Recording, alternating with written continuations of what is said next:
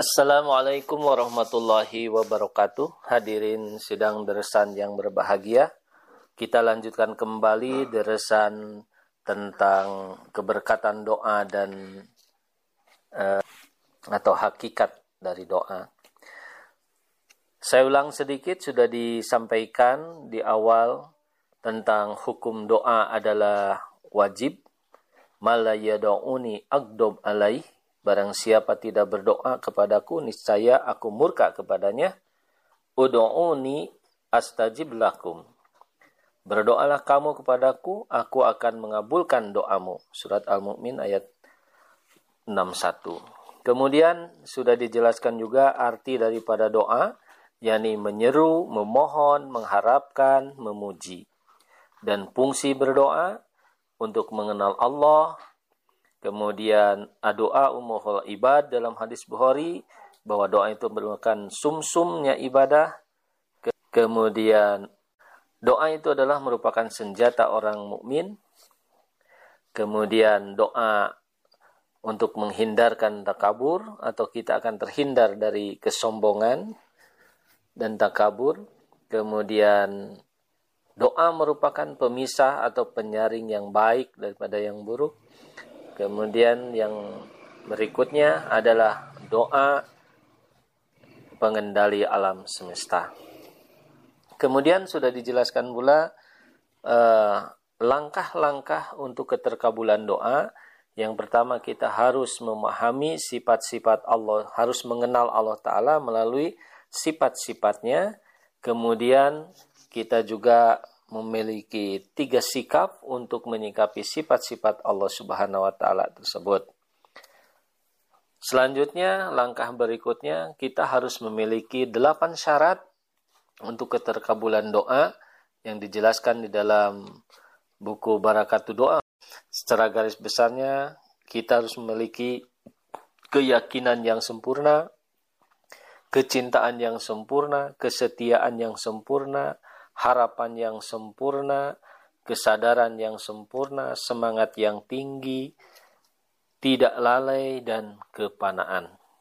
Inilah syarat-syarat yang harus dimiliki oleh setiap uh, orang yang beriman ketika doanya ingin dikabulkan oleh Allah Subhanahu wa taala. Selanjutnya, setelah kita mempersiapkan semuanya sesuai dengan janji Allah Subhanahu wa taala, bahwa siapa yang berdoa maka Allah Ta'ala akan mengabulkannya, akan menjawabnya. Maka di dalam proses ini pun akhirnya Allah Subhanahu wa taala akan memulai memproses doa itu untuk terkabul. yakni yang disebut mabadi asbab. Mabadi asbab yakni di tahap ini Allah akan menggerakkan semua unsur-unsur yang akan menjurus kepada keterkabulan doa. Misalkan jika hujan, maka angin akan mulai bergerak, awan akan mulai bergerak, barulah nanti akan turun hujan. Jadi yang disebut mabadi asbab itu tadi, yakni angin, awan, itulah penyebab-penyebabnya sehingga nantinya akhirnya hujan akan turun. Karena Allah SWT menjanjikan kemenangan kepada Islam, kita disuruh banyak berdoa kepada Allah SWT, bahkan ada doa-doa khusus, bahkan kita juga disuruh berpuasa setiap bulannya untuk menyambut kemenangan jemaat ini. Tetapi setelah sekian tahun kita berdoa, kita menjalankan sholat, menjalankan puasa dan sebagainya, ternyata pada akhir-akhir ini jemaat Ahmadiyah betul-betul mendapatkan suatu ujian yang cukup berat. Terjadinya 2005 di Indonesia penyerangan ke pusat jemaat sehingga orang-orang banyak yang ketakutan. Terus merembet sampai terjadinya Cikesik, terjadinya Lombok, dan lain-lain lain.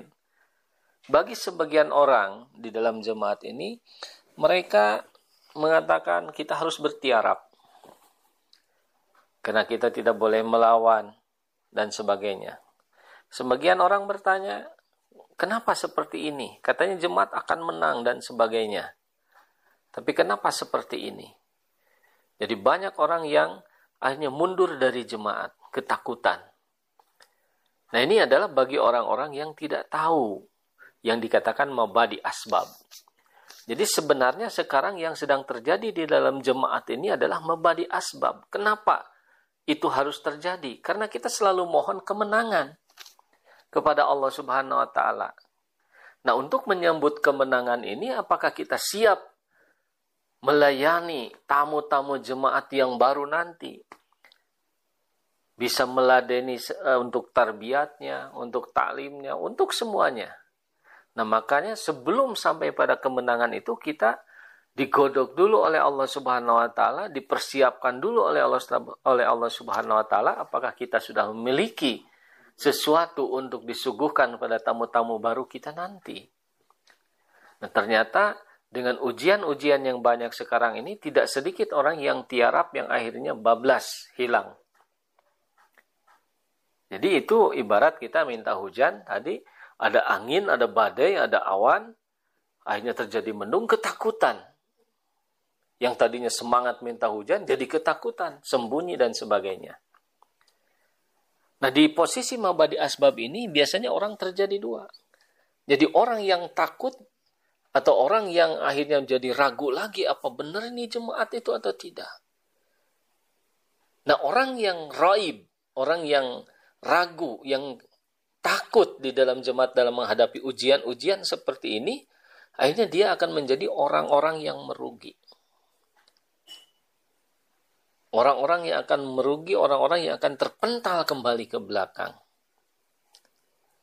Nah, sedangkan satu bagian lagi adalah orang-orang yang dengan gigihnya, dengan kuatnya, dia memahami apa yang terjadi, bahwa itu semua adalah merupakan persiapan untuk menyambut tamu-tamu agung yang masuk ke dalam jemaat nanti, yang mungkin akan berbondong-bondong orang masuk dalam jemaat, yang memerlukan tarbiyat dari kita, perlukan binaan dari kita.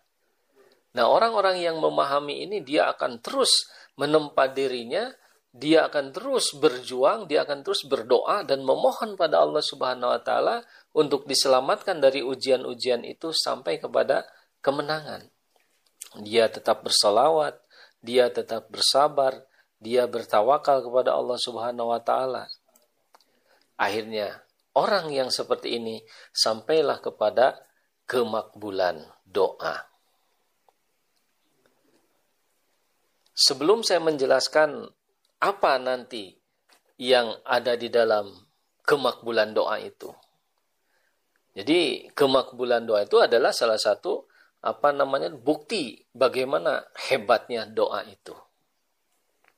Nah, di situ ada pertanyaan, sehebat apa doa itu? Sehingga kita pun disarankan oleh pimpinan kita dalam menghadapi apa pun yang terjadi yang menimpa kita ini, maka hadapilah dengan sabar dan doa. Jadi punya kekuatan apa doa itu? Nah, jadi untuk mengetahui tentang kekuatan doa ini, kita kembali kepada sabda Rasulullah Sallallahu Alaihi Wasallam dalam hadis Tirmizi, la yaruddul qada'a illa doa. Tidak ada yang dapat merubah takdir kecuali doa. Coba. Umum memahami bahwa takdir tidak bisa dirubah lagi.